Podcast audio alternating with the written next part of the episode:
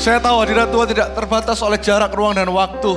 Dan saat ini saya tahu ada banyak jemaat yang menonton dan bahkan mungkin bukan jemaat New Life Church yang nonton. Saya mau beritahu Anda bahwa ada suara pengharapan. Yaitu Yesus selalu pegang kendali. Dia adalah Tuhan di atas segala Tuhan. Dia adalah Raja di atas segala Raja. Dan saat ini mari kita kasih tepuk tangan lebih meriah lagi buat Tuhan Yesus. Come on. Haleluya. Haleluya. Kami percaya Tuhan bahwa firman hari ini akan membawa kami semakin mendekat kepada Tuhan dan melihat bahwa keberadaan Tuhan itu adalah mutlak dan absolut kebenarannya bahwa Yesus Kristus selalu pegang kendali. Aku lepaskan berkat untuk setiap yang menonton di rumah-rumah, setiap keluarga-keluarga yang menonton saat ini menerima pewahyuan yang baru, menerima berkat Tuhan yang sempurna dan kami semua ditutup bungkus oleh darah Yesus. Saat ini angkat kedua tangan sekali lagi yang berdoa untuk kota kami tercinta Surabaya Tuhan. Kami tahu dan saat ini Tuhan ada banyak orang yang khawatir di Surabaya, bahkan di bangsa kami Indonesia dan juga di seluruh dunia. Saat ini kami sekali lagi menyerahkan bumi ini yang hanya satu kakimu yang di mana bumi hanya bisa menampung satu kakimu Tuhan. Engkau tetap berkuasa di tengah-tengah krisis dunia ini. Di tengah-tengah di mana setiap orang saat ini khawatir. Di situlah ada cahaya yang bersinar melalui gerejamu. Aku berdoa dan saat ini setiap gereja Tuhan, orang-orang yang percaya saat ini diper, diperlengkapi dengan firmanmu. Dan mereka akan melihat bahwa Yesus itu hidup. Dan biarlah dunia ini mendengarkan kabar baik yaitu Yesus Kristus Tuhan. Dulu sekarang dan selama-lamanya. Di dalam nama Yesus kami percaya damai sejahtera melingkupi setiap kami. Dan saat ini dunia mendengarkan kabar baik ini. In Jesus mighty name we pray. Semua gereja Tuhan sama-sama katakan. Amin. Sekali lagi tepuk tangan lebih meriah buat Tuhan Yesus. Thank you praise and worship team. Daniel and team. Tepuk tangan buat mereka. Silakan duduk. Wow. Senang sekali berjumpa dengan setiap Anda. Walaupun kita tidak bertemu secara uh, kontak langsung secara fisik dan kita ketemu seperti biasanya di rumah Tuhan. Tetapi saya tahu bahwa hadirat Tuhan tidak pernah terbatas oleh ruang dan waktu. Dan saat ini saya tahu ada banyak yang menonton di rumah. Ini justru saatnya untuk kita berdiam diri, bukan hanya berdiam saja, tapi cari Tuhan lebih lagi. Dan kita sama-sama benar-benar taruh hati kita, taruh pikiran kita di dalam kasih Kristus. Amin. Saya tahu bukan keputusan yang mudah untuk kita melakukan online service ini, tetapi saya tahu ini adalah keputusan, keputusan yang sangat bijak dan hal yang eh, baik yang harus kita lakukan untuk mensupport pemerintah dan apa yang sudah diputuskan oleh Bapak Presiden dan bahkan yang diputuskan oleh Ketua Sinode kita, Bapak Pendeta Rubin Adi Abraham, kita sebagai gereja harus taat dan juga apa yang kita lakukan ini untuk kesejahteraan kita bersama. Untuk kita memikirkan Surabaya lebih sejahtera, Indonesia penuh dengan kemuliaan Tuhan, dan bangsa negara kita semakin banyak orang mengenal Yesus Kristus Tuhan. Hari ini saya akan khotbah simpel saja, yaitu judul khotbah saya hari ini adalah COVID-19. Ya, yang di rumah, yang menonton sama-sama katakan COVID-19. Kenapa tadi tadi tadi sore saya berdoa dan uh, saya share dengan istri saya, kalau saya pakai judul ini nanti kira-kira kontroversial atau relevan enggak ya? Justru istri saya menguatkan saya dan bilang gini, kamu harus khotbah judulnya justru COVID-19 supaya ketika orang berpikir tentang COVID tidak berpikiran negatif, tapi ketika mereka ingat kata-kata COVID yang diingat adalah pengharapan, yang diingat adalah iman, yang diingat adalah Kristus, yang diingat adalah kehidupan, yang diingat adalah ada ada suara kebenaran bahwa Tuhan Yesus selalu pegang kendali. Saya tahu uh, saat ini ketika Anda menonton dan uh, setelah online service ini selesai, live streaming ini selesai, saya percaya Anda akan penuh dengan sukacita sorga, Anda tidak akan pernah takut lagi. Amin. Yang pertama, C yang pertama, saya berdoa di tengah-tengah situasi krisis dunia, di tengah-tengah situasi di mana wabah COVID-19 ini tersebar di mana-mana, Anda justru akan semakin ingat bahwa yang pertama, C yang pertama adalah Christ character. Katakan Christ character. Sama-sama katakan karakter Kristus. Saya belum bisa dengar yang di rumah-rumah, kurang keras. Sama-sama katakan karakter Kristus. Ya, kita buka ayatnya di 2 Korintus 5 berkata seperti ini. Kita baca sama-sama ya, sekalipun Anda di rumah, saya bisa merasakan hadirat Tuhan memenuhi Anda. Kita baca sama-sama dengan suara yang keras, amin. Dalam hitungan yang ketiga, satu, dua, tiga. Jadi siapa yang ada di dalam Kristus, ia adalah ciptaan baru yang lama sudah berlalu, sesungguhnya yang baru sudah datang. Dikatakan yang ada di dalam Kristus, ia adalah ciptaan yang baru. Bahasa aslinya bukan hanya ngomong ciptaan yang baru sebagai manusia yang baru secara fisik baru, tetapi yang dimaksud dengan ciptaan yang baru, manusia baru di sini adalah kita punya a new nature. Sama-sama katakan a new nature. Punya kebiasaan yang baru. Yaitu apa nature-nya kita? Panggilan kita sebagai New Life Church, panggilan kita sebagai gereja Tuhan. Jangan lupa bahwa ketika kita ditebus, kita akan memiliki DNA dan hati seperti Kristus, yaitu hati yang mengasihi. Amin. Yang lama telah berlalu. Kemarin sudah yang lama, berita tadi pagi sudah yang lama. Berita apa pun yang Anda baca di WhatsAppmu yang kemarin malam, mungkin Anda tidak tidur sampai jam 2 pagi, sehingga tadi live streamingnya gereja harus jam 10 mulai TED on time, Anda mungkin telat jam 10.30 karena Anda terlalu banyak terlarut dengan berita. Dikatakan yang lama telah berlalu. Yang tadi pagi pun, berita tadi pun sudah berlalu. Yang baru sudah datang. Apa itu? Nature yang baru. Mari di tengah-tengah krisis ini, kita punya the nature of love. Kita punya kebiasaan untuk mengasihi seperti Kristus mengasihi. Kalau kita fokus kepada ketakutan, kalau kita fokus kepada penyakit COVID-19, kita akan lemah. Tetapi ketika kita tahu bahwa kita adalah manusia yang baru, manusia yang baru adalah manusia yang berbagi, kata Tuhan. Karena Alkitab berkata bahwa tetap tinggal ketiga hal ini yaitu iman, pengharapan dan kasih. Tetapi yang terbesar di antaranya adalah kasih. Saya tahu bahwa kasih bukan hanya menutupi kelemahan, tetapi kasih menutupi segala ketakutan. Kemarin saya pergi sempat ya kita ini tetap yang namanya kita tetap harus taat dengan yang namanya social distancing ya. Kita tidak terus ngumpul-ngumpul rame-rame seperti makanya kenapa kita putuskan untuk kita online service Ya, tetapi kita tetap toh harus memenuhi kebutuhan rumah. Kalau kita perlu pergi ya pergi seperlunya. Jadi kemarin saya pergi ke sebuah supermarket untuk membeli barang-barang. Anyway, kita bukan ke supermarket untuk borong barang-barang ya. Saya mau kasih pesan kepada semua yang nonton, beli secukupnya. Kemarin ada salah satu teman saya bikin video bagus sekali. Ya, teman saya ini namanya Edward Suhadi. Saya enggak nggak nggak nggak apa di endorse ya. Tapi memang saya sudah lama sekali nggak ketemu dengan Edward Suhadi dia fotografer dan videografer yang diurapi Tuhan luar biasa. Dia bikin uh, video singkat tentang bagaimana kita bisa hidup ya. Hanya sehari itu hanya bisa uh, hanya dengan makan telur ceplok. Waduh saya lihat di videonya wah saya jadi pengen itu karena telurnya setengah matang pula gitu ya terus pakai kecap manis gitu jadi kita jangan serakah jangan berpikir wah beli sebanyak banyaknya no masih ada orang banyak yang membutuhkan saya beli secukupnya apa yang memang seperti biasanya kita memang belanja untuk kebutuhan rumah. Saya dan istri saya, istri saya beli beberapa barang buat anak-anak. Saya eh, belanja sedikit daging. Dan waktu saya baru mau ngomong gitu ya, karena saya harusnya ada di sana duluan. Tapi ternyata ada seorang yang uh, agak-agak mungkin 50 tahun ke atas atau 60 tahunan, seorang ibu-ibu yang tiba-tiba, mas gitu ya, langsung ngekat saya, wih mas gitu ya, kayak udah mau hari kiamat atau uh, apa gitu ya. Ayo, oh, saya mau beli, cepet mas gitu, daging giling yang di sini gitu. Masnya bingung, sampai masnya dua atau tiga yang harus menjuali semua harus tiga-tiga datang karena dia beli daging giling 40 bungkus. Waduh, wah katakan wow. Waktu udah udah ngekat cut my way beli 40 bungkus ya udah saya diam aja karena kasih menutupi segalanya, iya kan? Cuma, tapi saya liatin orang ini, wah ber, ber 40 bungkus dan masnya bilang sorry ya pak, sorry ya pak, tadi di cut seperti ini dan uh, bapak harus tunggu lama karena ini 40 bungkus. Saya bilang enggak apa-apa. Dan saya lihat beberapa orang juga panik beli berlebihan. No, tapi saya berdoa gini, New Life Church, Anda harus jadi contoh yang baik. Mari kita beli secukupnya. Mari kita perhatikan orang lain dengan kasih Tuhan. Kalau kita melihat orang-orang yang khawatir, tapi kita punya kasih Tuhan di dalam kita. Saya percaya bahwa kasih itu akan tertular. Mari kita jangan tularkan hal yang buruk, jangan tularkan hal yang negatif. Boleh kasih informasi, tapi lebih daripada informasi, saya mau himbau Anda untuk kasih kasih yang lebih besar lagi bagi dunia ini, bagi Surabaya. Melalui apa? Perbuatan kita, melalui firman kita. Karena Tuhan berkata apa? Firman itu dekat, yaitu firman itu hanya di mulut kita.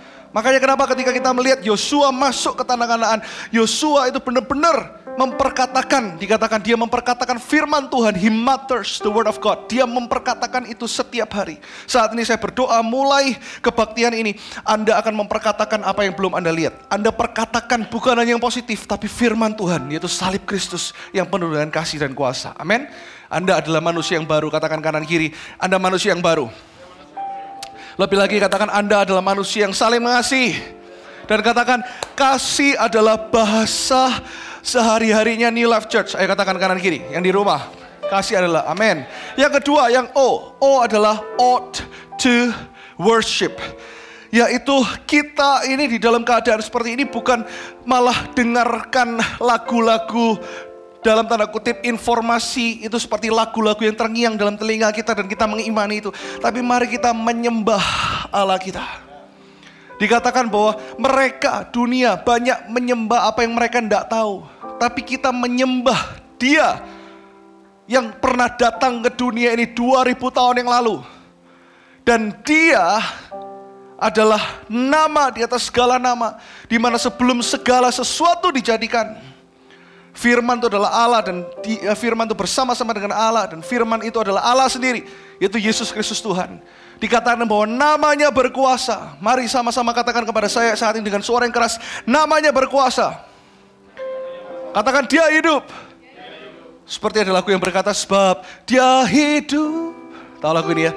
ada hari esok Sebab dia hidup Yang tahu lagu ini sama-sama nyanyikan Ku tak gentar Amin Karena ku tahu Dia pegang hari esok Hidup jadi berarti sebab dia hidup, dia benar-benar hidup. Filipi 2 berkata seperti ini. Sekarang perkatakan dengan saya karena firman itu jangan cuma didengar, tetapi firman itu diperkatakan. Baca sama-sama Filipi 2 ayat 8 sampai 10, 1 2 3. Dan dalam keadaan sebagai manusia, ia telah merendahkan dirinya dan taat sampai mati.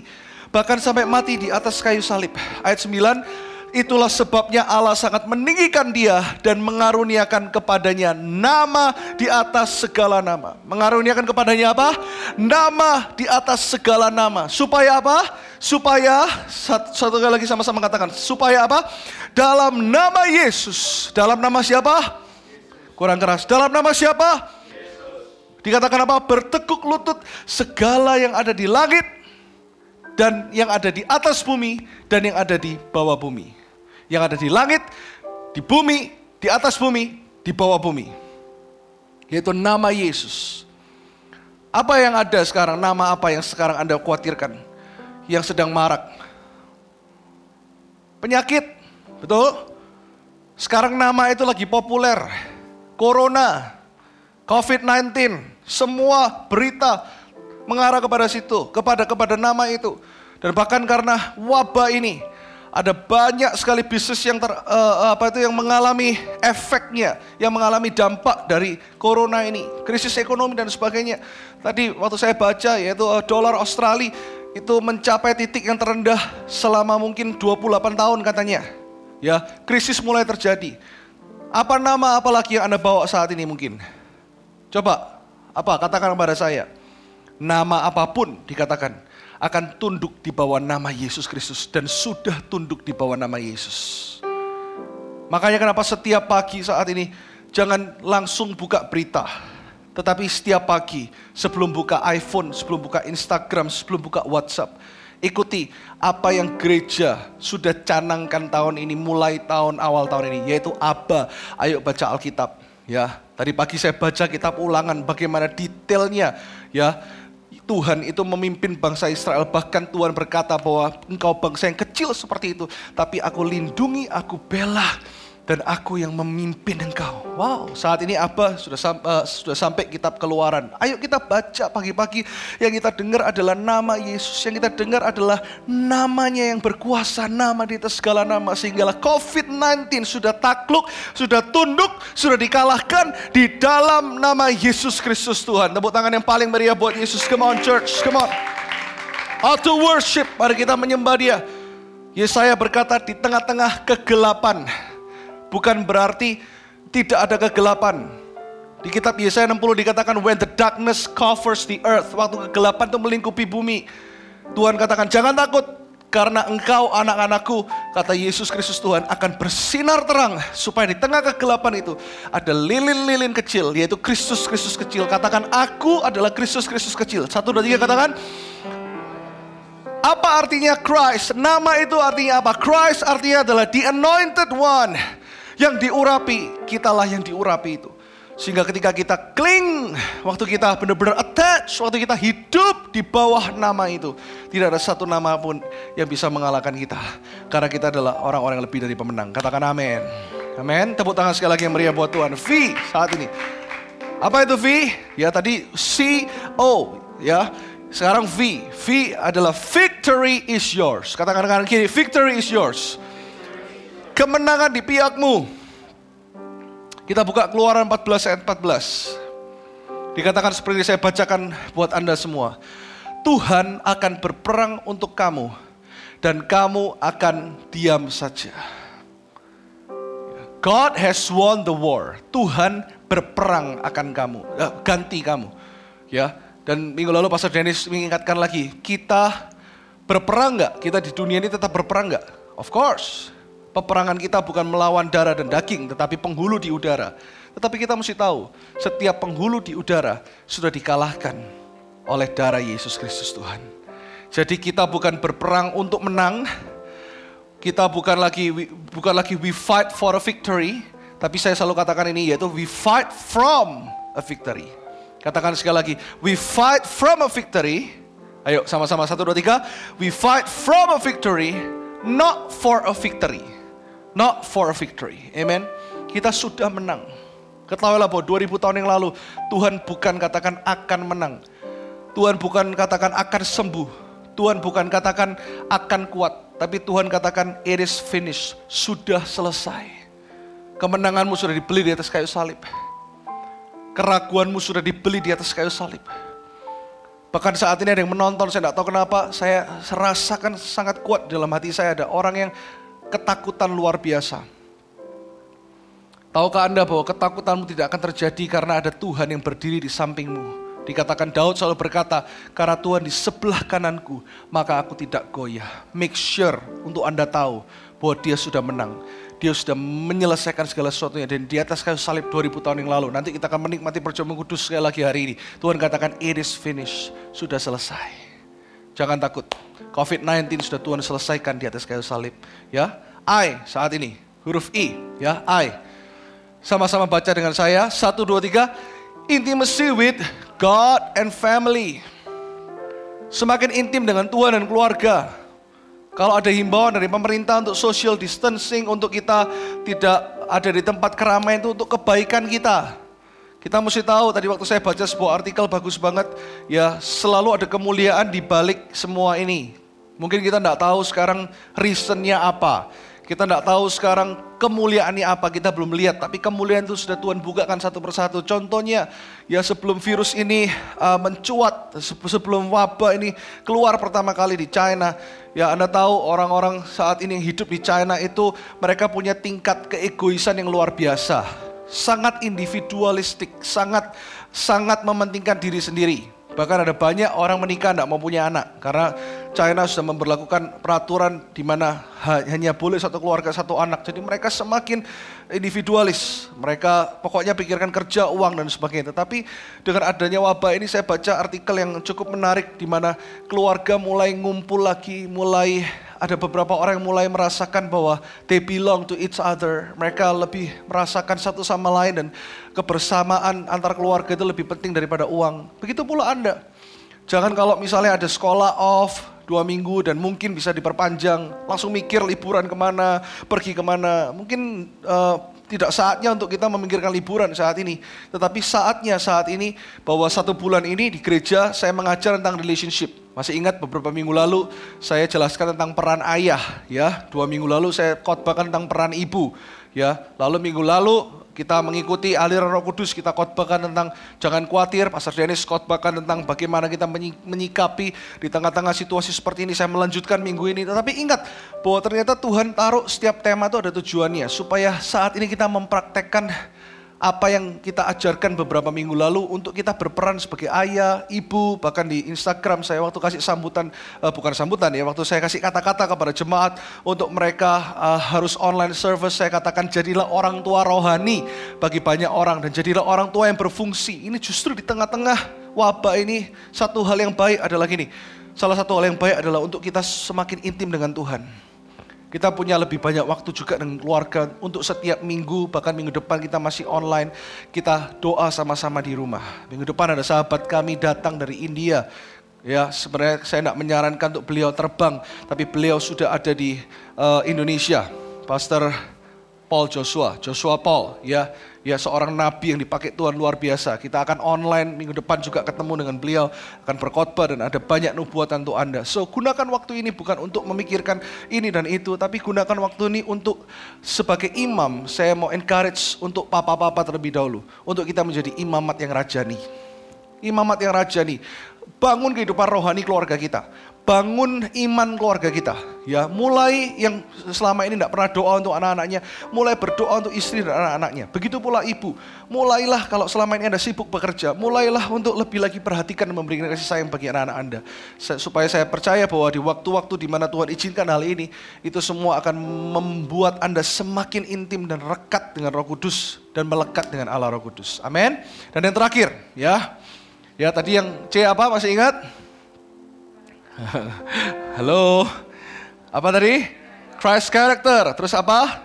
Ought to worship. And then victory is yours. And then intimacy with intimacy with God and family. Dan yang terakhir D, D is dedicate yourself to Jesus. Kolose 3, 23 dikatakan seperti ini.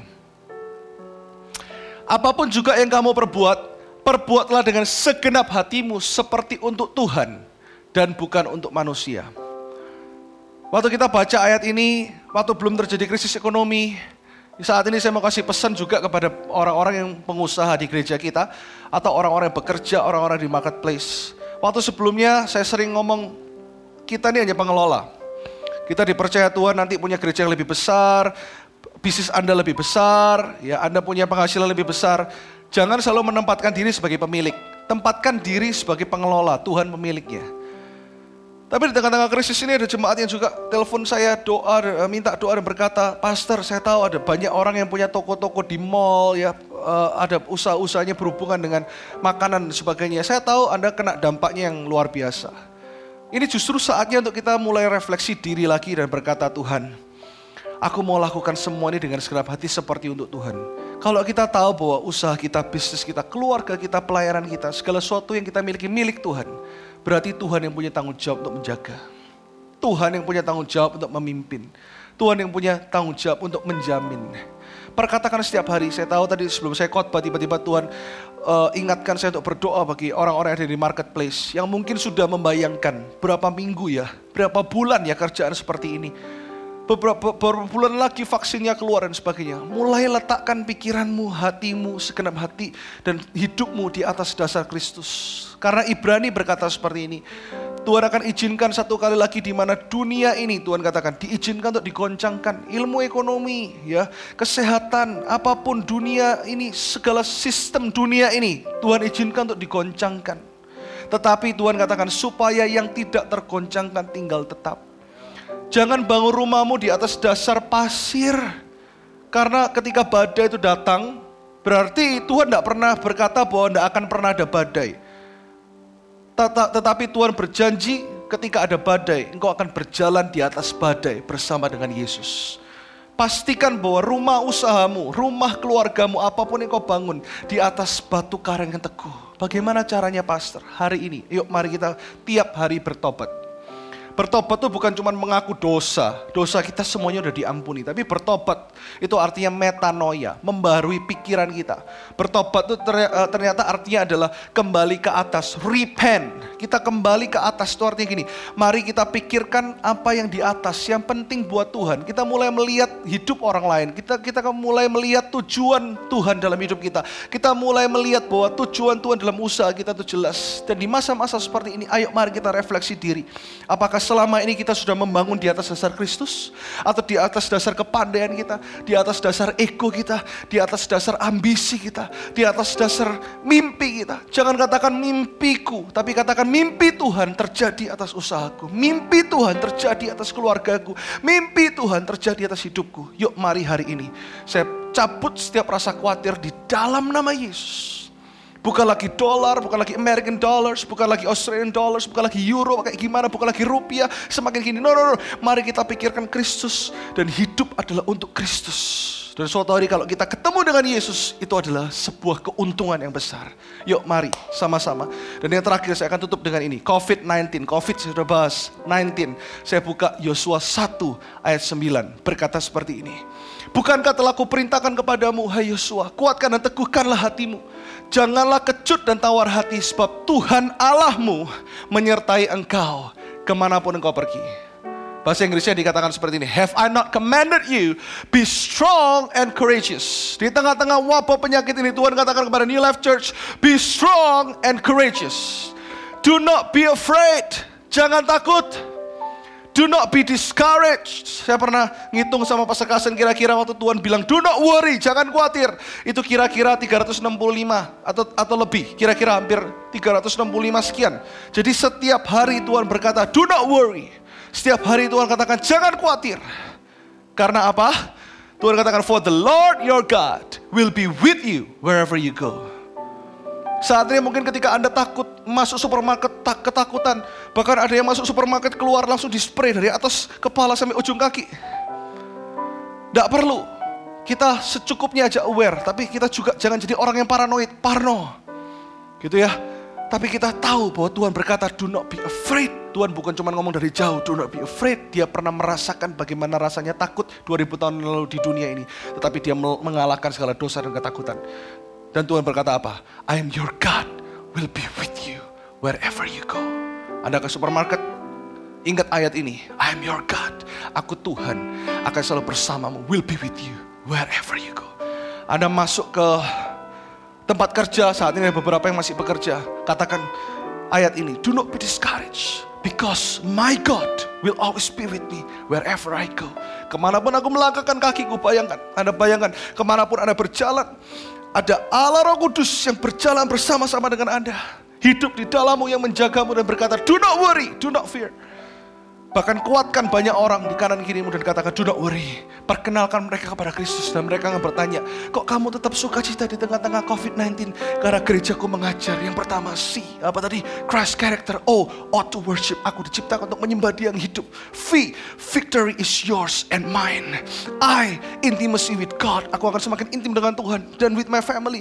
D. I dedicate my life to Jesus. And 1 verse Joshua 1 verse 9 kasihkan itu kepada mereka. Mereka berkata oh wow.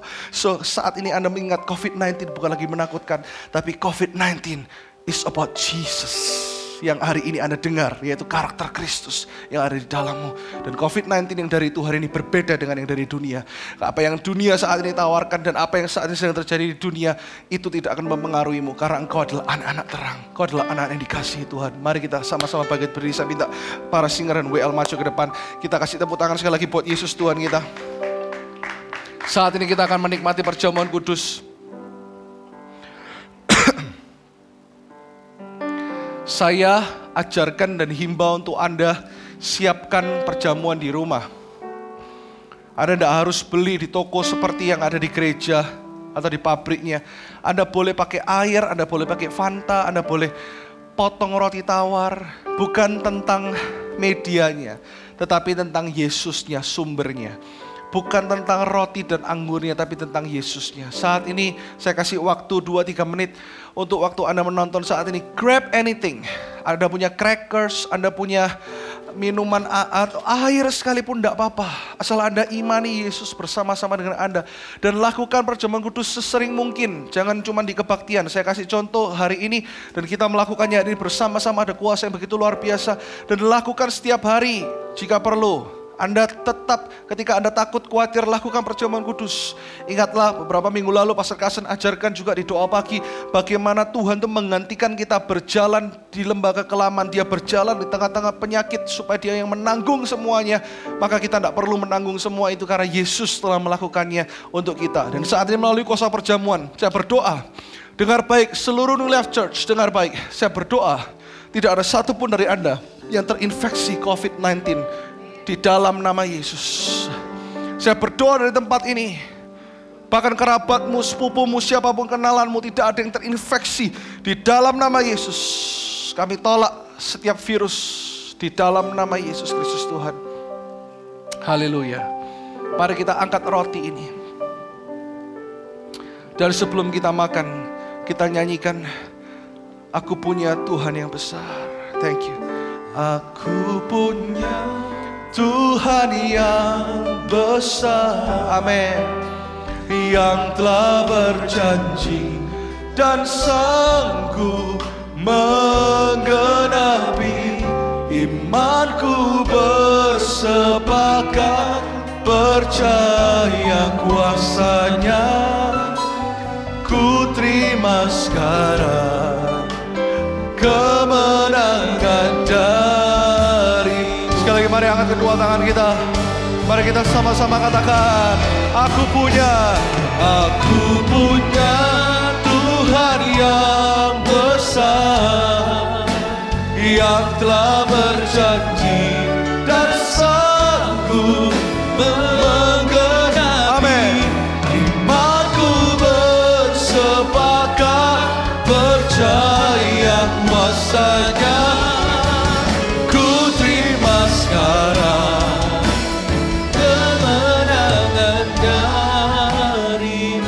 di rumah-rumah saat ini. Bahkan yang mungkin menonton dari mobil atau di mana pun anda berada angkat roti di sebelah tangan kanan sungguh-sungguh.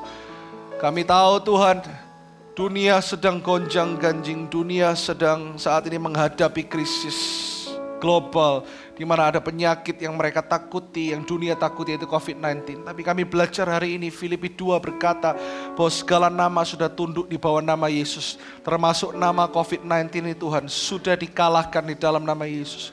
Ini adalah tubuhmu yang sungguh-sungguh kau telah persembahkan untuk gerejamu, untuk New Life Church, dan untuk setiap kami yang percaya kepadamu. Dan roti ini sungguh-sungguh adalah persekutuan tubuh Yesus yang telah membawa segala kesembuhan atas setiap penyakit apa pun Tuhan. Dan saat ini kami terima anugerahmu, kami terima kemenangan, kami terima wholeness melalui tubuh Yesus Kristus. Yang kami angkat ini di dalam nama Yesus Kristus Tuhan. Kami makan dengan iman. Thank you Lord.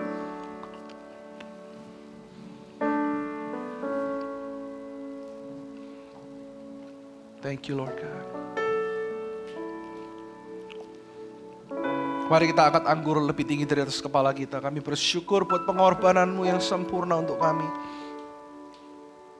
Pengorbanan yang tanpa batas Tuhan. Segala sesuatunya Tuhan, tidak ada yang mustahil bagi Engkau.